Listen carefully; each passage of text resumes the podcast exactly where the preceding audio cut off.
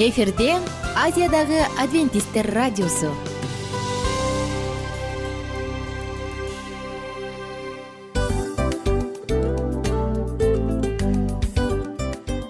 Достор салют. Баардык сүйүктүү угармандарыбызга салам айтабыз. Кутман күнүңүздөр менен. Ден соолук өмүрдүн булагы демекчи саламат саамы программасында баарыңыздарды көргөнүбүзгө абдан кубанычтабыз. Анда алгач амандашып өтөлү арбаңыздар деп. Ден соолугуңуздар кандай элибизде көбүнчө ден соолук кандай дегенде эле жакшы деп жооп беребиз э? ооруп турсак дагы жакшы дейбиз. Анан мен муну айтып ойлойт элем бул абдан сонун сөз депчи анткени бул жакшы деген үмүт да э ооба баары жакшы болот. Баары сонун. Деп үмүттөнүп атып эле өзүбүздү өзүбүз дарылап коебуз. Анысы кандай? Сиздин дагы ден соолугуңуз жакшы беш деген үмүттөбүз чындыгында ден соолук бул өмүрдүн булагы деп бекеринен айтылган эмес деп ойлойм. Кыргыз элинде анткени эгерде ден соолук жок болсо анда адамдын жашоосунда калган баардык керектүү маңыздуу нерселер өзүнүн баалуулугун жоготуп коет. Ошондуктан ден соолук бул эң керектүү нерсе. Ооба туура айтасың кесиптешим. Чынында ден соолугуң жок бир эки үч күн ооруп калсаң эле э кандай болуп калат? Жашоодо көз каранды болуп каласың көп нерсеге жетишпей каласың көп нерсени кыла албай каласың жада калса эшикке дүкөнгө да чыга албай каласың. Туптуура анан ден соолук болсо демек биз биздин бактыбыз тоодой деп койсок болот. Анда достор саламат саамы рубрикабызды баштайлы. Алдыда өзүңүзгө керектүү болгон сонун кеңештерди уга аласыздар. Мына ошондуктан биз менен бирге болуңуздар. Ал эми биз болсо милан жана айнура. Кеттик алга. Алга саламат саама ден соолуктун жарчысы. Саламат саама ден соолуктун ачкычы. Күн сайын сиз үчүн мыкты кеңештер сонун жаңылыктар кызыктуу фактылар. Биздин рубрикада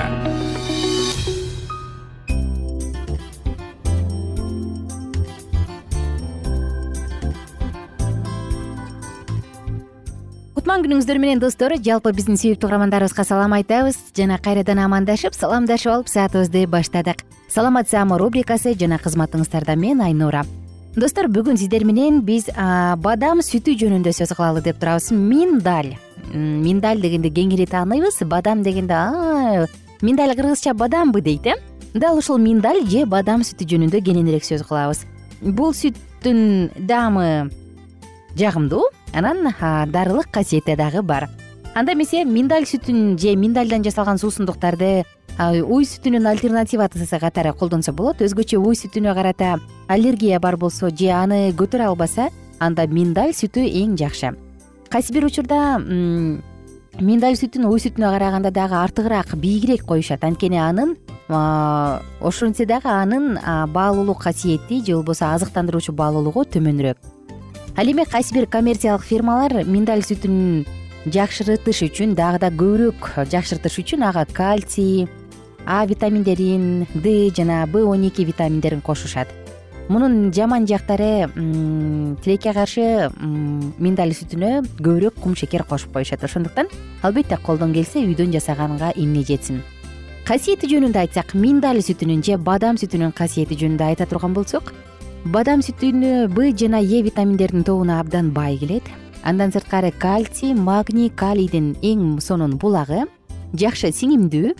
Жана ошондой эле гастроэнтерит жана диарея учурунда абдан жакшы толуктоочу сүт болуп берет.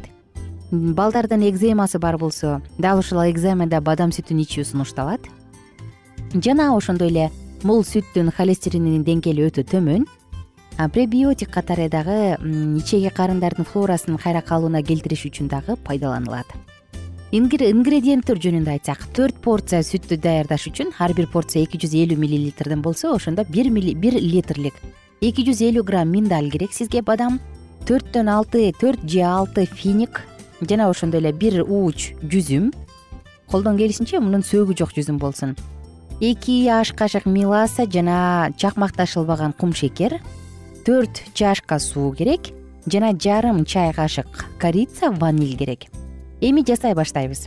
Башка баардык эле өсүмдүк сүттөрү сыяктуу эле муну жасоодо дагы баарынан биринчи миндальды жакшылап кайнак сууга кайнатып алыш керек. Ал сыртынан ажырагандай болсун.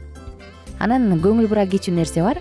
Соя миндаль башка фундуктун сүттөрү булардын баардыгында тең эгерде адамда аллергия бар боло турган болсо негизи эле сүткө анда соя миндаль жана фундуктун сүтүнө аллергия азыраак болот.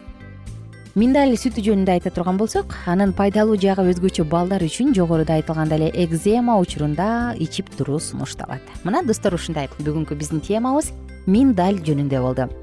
Дагы да кошумча кыла турган болсок бүгүнкү күндө супермаркеттерден уйдун койдун эчкинин гана сүтү эмес жаңгак буурчактын түрлөрү мөмө жемиштин уруктарынан алынган сүттөр дагы абдан эле көп э. Негизи эле өсүмдүк сүтү деген эмне анын организмге тийгизген пайдасы канчалык дегенде албетте биз азыр кененирээк сөз кылып беребиз. Анан буларды үй шартында эле жасап өзүбүздүн ден соолугубузду сактасак болот. Бир стакан данды жети сегиз саатка чейин сууга чылап коебуз жалпы эле өсүмдүк сүтүн даярдаш үчүн. Мейли ал бадам грек жаңгагы күн карама аш кабак данеги кунжут жана башка болсун жууп тазалап туруп сууга чылайбыз. Андан соң суусун төгүп блендерге салып үстүнө төрт беш стакан булак суусун куюп бир нече мүнөт айландырабыз. Алынган массаны дакиден сүзүп өткөрөбүз өсүмдүк сүтү даяр. Дакиде калган массаны кургатып таттуу десерттер үчүн дагы колдонсо болот. А бадам сүтү миндаль сүтү бүгүнкү биз айтып аткан вегетариандар арасында абдан белгилүү. Сүттүн болдуруун европалыктар орто кылымдан бери эле жасап келишет.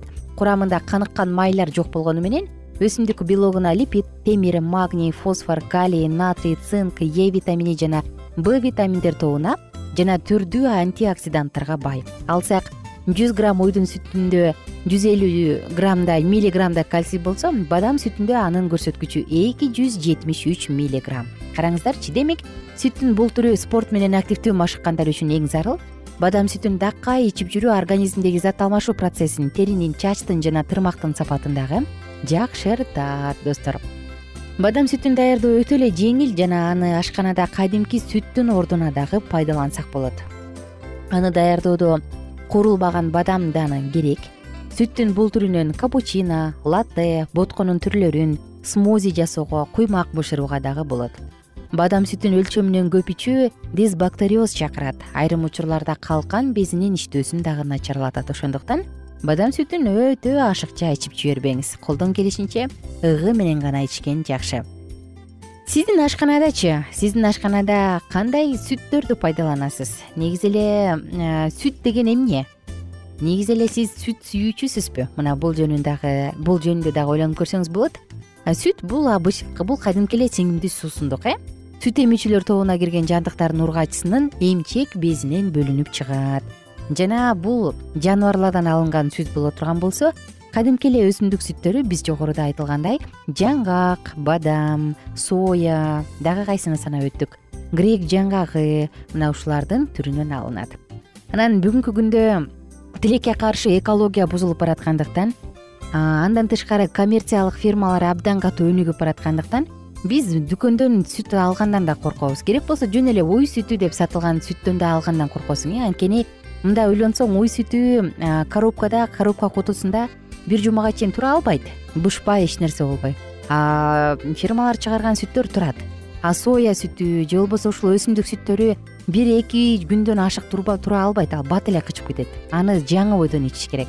Дүкөндөрдө сатылгандардын курамында ким билет ошондо эмне кошулду? Ошондуктан достор бул нерсени да эске алып кеткенди өтүнөбүз. Сизден сатып алаардан мурун мүмкүн үйдөн эле жасап алган пайдалуудур анан кээде мындай жөнөкөй гана салыштырыш керек э? Бир уч бадам канча сом анан бадамдан алынган бир литр сүт канча сом турат? Ошондон эле келип анан өзүбүзгө жыйынтык чыгарып койсок болот. Достор мен сиздер менен коштошчу учурга келдим. Кийинки уктуруубузда биз дагы да өсүмдүк сүттөрү жөнүндө кененирээк айтып беребиз дагы. Сиздерге кийинки уктурууда мен кадимки эле сулуу сүтү жөнүндө айтып берем. Сулуу сулуу дегендей сулуунун пайдалуу жагы абдан мол бизге дагы маалым. Кийинки уктурууда бул жөнүндө кененирээк билебиз деп ишенем жалпыңыздарга кааларым көңүлдүү кеч бар болуңуздар аман болуңуздар.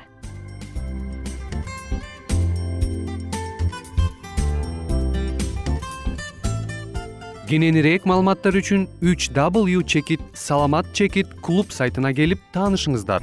Жана андан тышкары социалдык тармактарда youtube facebook жана instagram баракчаларына катталыңыз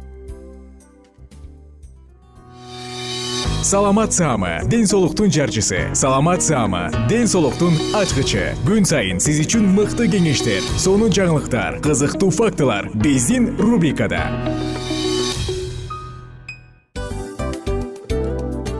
Салам достор. Кайрадан биздин сүйүктүү рубрикабызга кош келиңиздер деп айтмакчыбыз.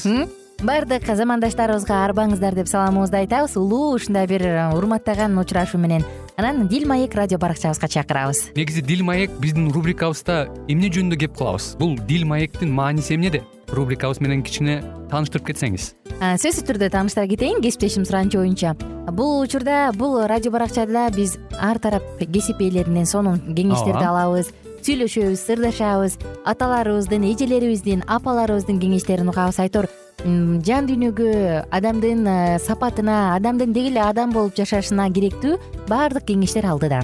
Негизи э, дил маек дегенде баягы эки адамдын ортосундагы сырдашуу кенен сүйлөшүү. Негизи эле биз адамдар бири бирибиз менен бир жерге жай жерге отуруп алып өзүнчө тынч жашоо жөнүндө өмүрүбүздө эмне болуп атканын бөлүшкөнү жакшы көрөбүз э адамдар. Ооба туура айтасың анан мындай учурга кээде убакыт да жетпей келет э. Же болбосо сырыңды кайгыңды муңуңду кубанычыңды айткың келет а адамга ишенбешиң мүмкүн. Ооба. А бул радио баракча угармандарыбыздын чыныгы досу анткени бизден алган кеңеш сиздин жашооңузга чоң жардам берет. Ал эми сиздин бизге айта турган сөзүңүз ортодо гана сыр бойдон калат. Ошондуктан биздин дил маек рубрикабызга дагы бир жолу кош келиңиздер. Жана биз даярдаган маалыматтарга даяр болуңуздар.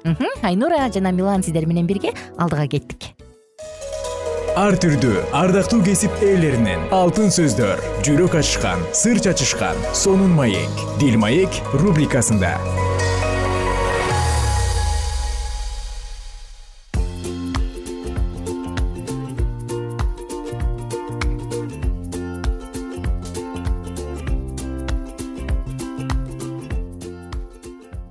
кутман куш убак күнүңүздөр менен биздин кадырлуу замандаштарыбыз сиздер менен бирге биз бүгүнкү темабызды тааныштыра кетели. Эненин аткара турган милдети деп аталат. Тыңдап жатканыңыз бактылуу үй бүлө деп аталган цикл. Дал ушул циклда биз атанын орду атанын милдети ата менен баланын мамилеси эр адам кандай болушу керек? Бири бирине жубайлардын жардам берүүсү жүрөктүн эгин талаасы жана башка мыкты сонун кеңештер менен бөлүшүп жатабыз достор мына ошондуктан бүгүн да болсо сиздер менен сонун маалыматтарды бөлүшүүгө даярбыз анда биз билек бүтүрүп саатыбызды улантууга камданып турган чагыбыз. Достор бактылуу үй бүлө циклинде биз эненин милдети тууралуу өткөн уктурууда бир аз болсо да айта кеткенбиз. Анткени эненин сөзү заң эненин таасири эң жогору болуш керек. Эне балдарына сүйүү көргөзүп үйдүн түгөнгүс түмөн түйшүктөрү менен алектенерин айтканбыз э. Анан кечинде жолдошу жумуштан келип алып кана эмне кылдың үй жыйнадың тамак жасадың ошол элеби деген сөздөрүн укканда апалар аябай терең кайгыраарын айтканбыз эсиңиздеби мына ошондуктан үйдө отурган келинчегиңиздин үйдө отурган апаңыздын түйшүгүн баалаңыз. Ойбойбой апаңыз үйдө кечке отуруп оокат кылгандан көрө сизге окшоп иштеп келсе анын жайы жаны тынч болмок да. Мына ошондуктан апалардын эмгегин баалайлы бүгүн болсо темабызды андан ары улантабыз. Асманда кудуреттүү кудай бар. Жана туура жүргөн ишенимдүү энеге качан гана ал өз балдарын жамандыкка каршы турууга үйрөтсө ал өз тактысынан чыккан жарык жана даңк менен анын ичин жарык кылат. Өзүнүн балдарга болгон өтө зарыл жумушуна башка эч кандай жумуш энеге тең келбейт эне сүрөтчү сыяктуу жакшы көрүнүштөрдү сүрөттөп же скульптор сыяктуу мрамор ташынан жакшынакай сүлөккө түшүрүү үчүн чакырылган эмес. Эне жазуучу катары өз ою менен чыккан жакшы сөздөрдү жаратыш үчүн же обончу катары өтө сонун сезимдерди обо ыргагында куюлтуп туруш үчүн чакырылган эмес. Анын милдети кудайдын жардамы менен адамдын жан дүйнөсүн кудайдын ыйык сапаттарына толтуруу. Караңызчы кандай сонун айтылган сөздөр. Бул көрсөтмөлөрдү сактаган эне ага берилген баа жеткис мүмкүнчүлүктөрдү жыйнайт. Ал өз балдарына өзүнүн мүнөзүнүн эң жогорку сапаттарын көргөзүү менен тарбиялоонун эң жогорку ыкмасын колдонот. Кайраттуулук жана чыдамдуулук менен ал өз жөндөмдүүлүктөрүн жогорулатууга аракеттенет. Өз балдарын тарбиялоодо акылмандуулуктун жогорку күчүн пайдаланат. Ошондуктан ар бир эне ар бир жашоодогу көз ирмем чоң мааниге ээ экенин түшүнсүн. Ар бир адам жооп бере турган учур келгенде анын иши сыналаарын унутпасын. Ошондо кырсыктардын жана адамдардын кылмыштарынын себеби ачылат түркөйлүк жана бейгамдык өз балдарын туура жолго салууда кимден кеткени байкалат. Ошондо көпчүлүктөр дүйнөнү жогорку рухтун жардамы менен алкыштаган чындыкты жана ыйыктыкты өзүнүн көрсөтмөлөрү таасири жана ийгилиги менен көргөзгөн рухтун жетегиндеги энелердин жылуулугун көрүшөт баш оту менен үй ишинин бүтпөгөн тиричилигинин үстүндө жыйнай бербестен энелер жана жубайлар окууга убакыттарын бөлүшү керек. Керектүү кабарларды алары менен жолдошунун жана балдарынын ортосунда ой бөлүшүп балдарынын акыл эсинин жогорулоосуна түрткү берет. Өзүңөр жакын кымбат адамыңарга таасир бере турган жана аларды жашоолорун көкөлөтүп көтөрө турган мүмкүнчүлүктөрдү пайдаланып жакшы сапаттарды кабыл алгыла. Кудайдын өзүңөрдүн алмаштыргыс сапарлашыңар жана жакын досуңар кылууга өз убактыңарды жумшагыла. Анын сөздөрүн окуп үйрөнүүгө жана балдарыңар менен жаратылышка чыгууга убакыт бөлүштүргүлө анын иштеринин сулуулугуна көз салып кудайдан үйрөнгүлө мээримдүү жана жайдары мүнөз болгула. Өз убактыңардын баарын бүтпөгөн үй тиричилигине жумшаанын ордуна бүткүл үй бүлө мүчөлөрү бул күндүкү жумуштарын аяктагандан кийин чогулуп жолдоштук ой бөлүшүүчү убакыт бөлүп тургула. Мына ушундай боло турган болсо көпчүлүк эркектер өз убакыттарын жолдоштору менен өткөрүүнүн ордуна өз үйлөрүндө болууга шашылышмак. Көпчүлүк балдар көчөлөрдө жана дарбазалардын алдында убакыттарын өткөрүшмөк эмес. Көпчүлүк кыздар жеңил ойлуулук таанышуулардан алыс болушмак. Үй бүлөнүн таасири ата энелер үчүн да балдар үчүн да кудай ойлогондой бүт өмүрүбүз ак баталуу болмок. Караңыздарчы энелер сиздердин биздердин милдетибиз канчалык зор э? Мына ошондуктан баягы дени сак энеден дени сак улут жаралат деп коет эмеспи. Анысы кандай бул сөздү биз бир гана физикалык эмес психологиялык жан дүйнөбүздүн руханий абалыбызга да колдонсок болот. Анысы кандай достор? Эгерде энелер өздөрүнүн милдетин жаратуучудан корккон аял катары жакшы аткара алса анда алар болочокто эң мыкты ата уулдарды тарбиялап чыгышат. Ошондуктан энелерге кааларым энелер сиздерге жаратуучубуз чоң күч берсин. Ал эми мырзалар энелердин алсыз ийиндерине баардык түйшүктөрдү топтоп койбогула мына сеники сен кыл сеники деп ушундай алсыз аял затынын мойнуна акча табууну дагы каражатты камсыздоону дагы каражат жагынан үй турмушунун тиричилигиндеги баардык жумуштарды дагы бала тарбиялоону дагы баардыгын үйүп койбоңуз. Аял өтө эле алсыз. Сиз өзүңүздүн милдетиңизди так аткарсаңыз аялдын милдетин аткарууга да убактысы калат. Аял өзүнүн милдетин так аткарса эркектин жүрөгү тынч сыртта ал өзүнүн жумушун дагы туура кыла алат. Мына ошондуктан бири бирине байланыштуу бири бирине көз каранды болгон бул кольцо шакекче. Туура нукта уланып туура формада боло берсе экен. Достор бүгүнкү уктуруубуз сиздерге арналды. Мен бир сөз мага абдан жакты. Келиңиздер ушул сөздү дагы бир жолу жаңырталы дагы анан саатыбызды жыйынтыкталы. Эне сүрөтчү сыяктуу жакшы көрүнүштөрдү сүрөттөп же скульптор сыяктуу мрамор ташынан жакшынакай сүлөккө түшүрүш үчүн чакырылган эмес. Эне жазуучу катары өз ою менен чыккан жакшы сөздөрдү жаратыш үчүн же обончу катары өтө сонун сезимдерди обо ыргагында куюлтуп туруш үчүн чакырылган эмес. Анын милдети. Кудайдын жардамы менен адамдын жан дүйнөсүнүн кудайдын ыйык сапаттарына толтуруусу.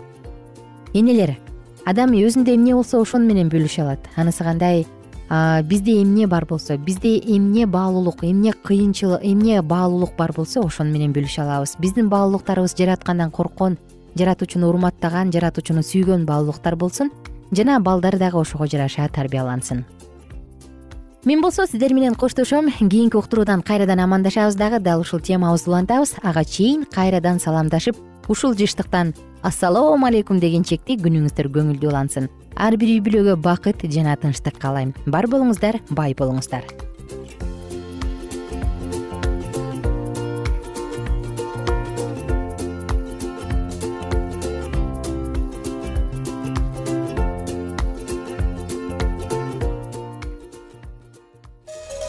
Ар түрдүү ардактуу кесип ээлеринен алтын сөздөр жүрөк ачышкан сыр чачышкан сонун маек. Дил маек рубрикасында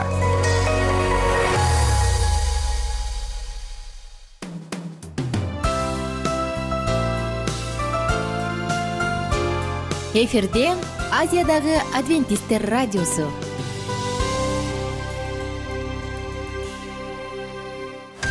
Жан дүйнөңдү байыткан жүрөгүңдү азыктанткан жашооңо маңыз тартуулаган жан азык рубрикасы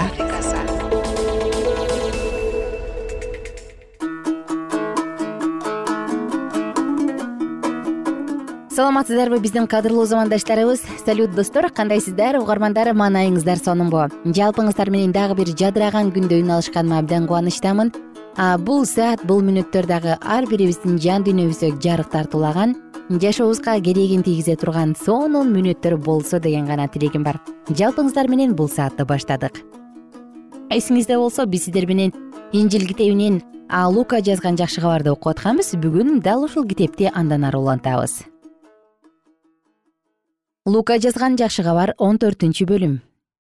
Жыйырма бешинчи аяттан тарта.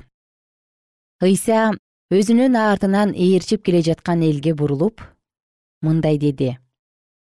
Ким мага келип бирок ата энесин аялын балдарын ага инилерин эже карындаштарын жана өз өмүрүн менден артык көрсө ал менин шакиртим боло албайт ким менин артымдан өз айкаш жыгачын көтөрбөй ээрчисе ал менин шакиртим боло албайт.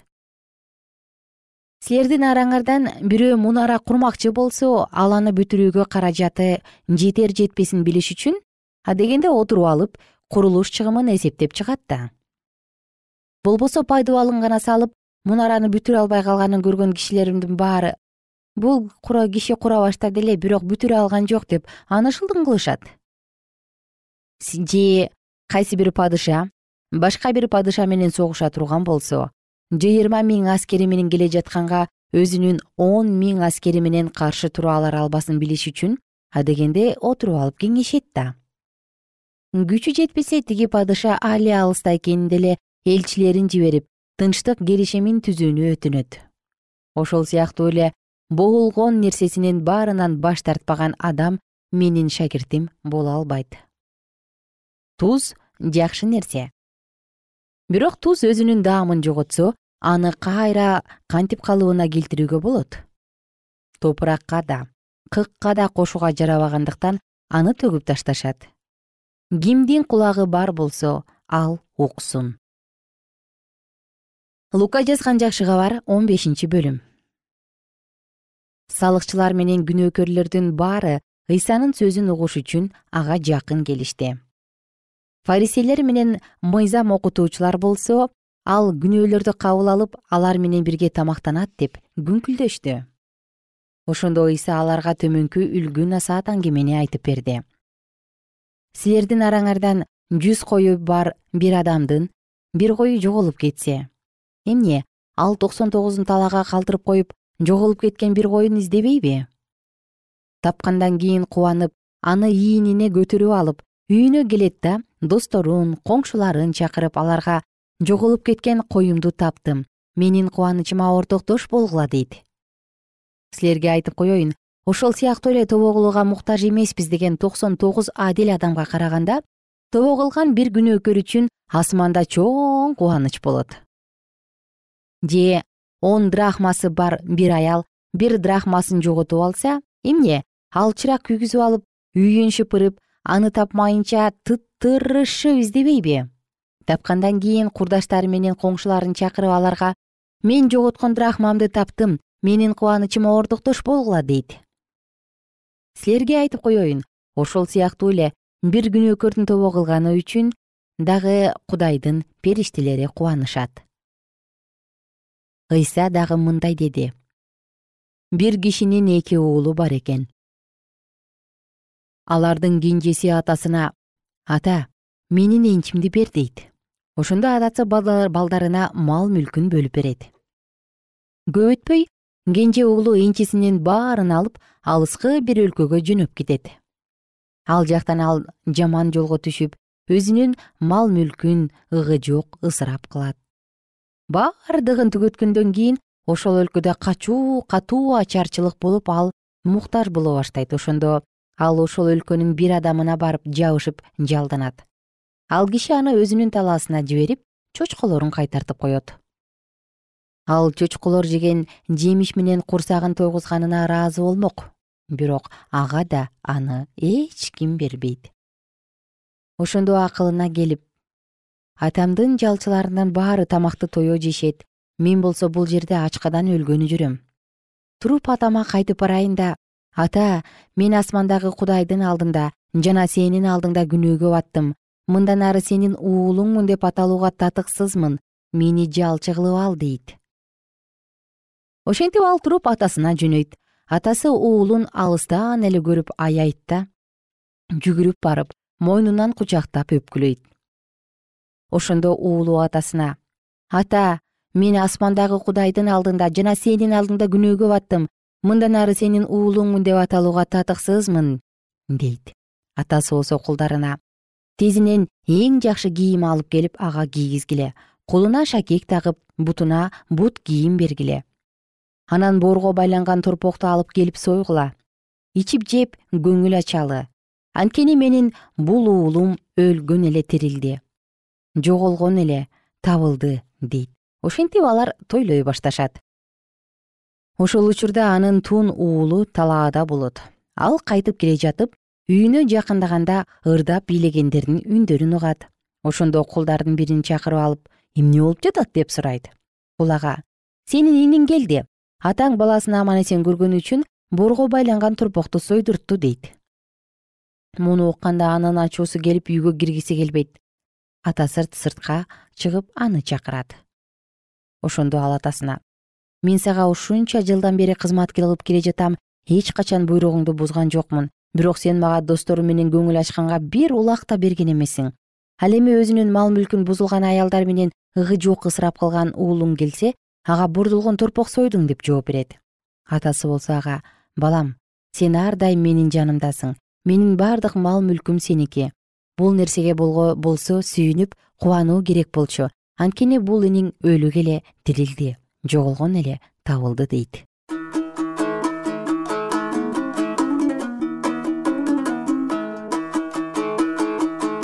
Кымбаттуу достор мынакей бүгүн сиздер менен дагы лука жазган жакшы кабардын он бешинчи бөлүмүн бирге окуп өттүк. Чындыгында адам жоголгон учурунда ар бири билет э? Жоготуу жакынын же болбосо бир кымбат буюмун жоготуп алган адам канчалык деңгээлде издейт экенин билет болуш керек. Анысы кандай жаратуучу дагы ар бир жанды өзүнүн бейиши үчүн күтүп жаткан чагы. Жалпыңыздар менен коштошобуз кийинки уктуруудан амандашканча эгер сиздерде суроолор болсо же көбүрөөк маалымат билем десеңиз анда биздин whatsapp номерибизге жазыңыз. Плюс бир үч жүз бир жети жүз алтымыш алтымыш жетимиш. Кайрадан плюс бир үч жүз бир жети жүз алтымыш алтымыш жетимиш.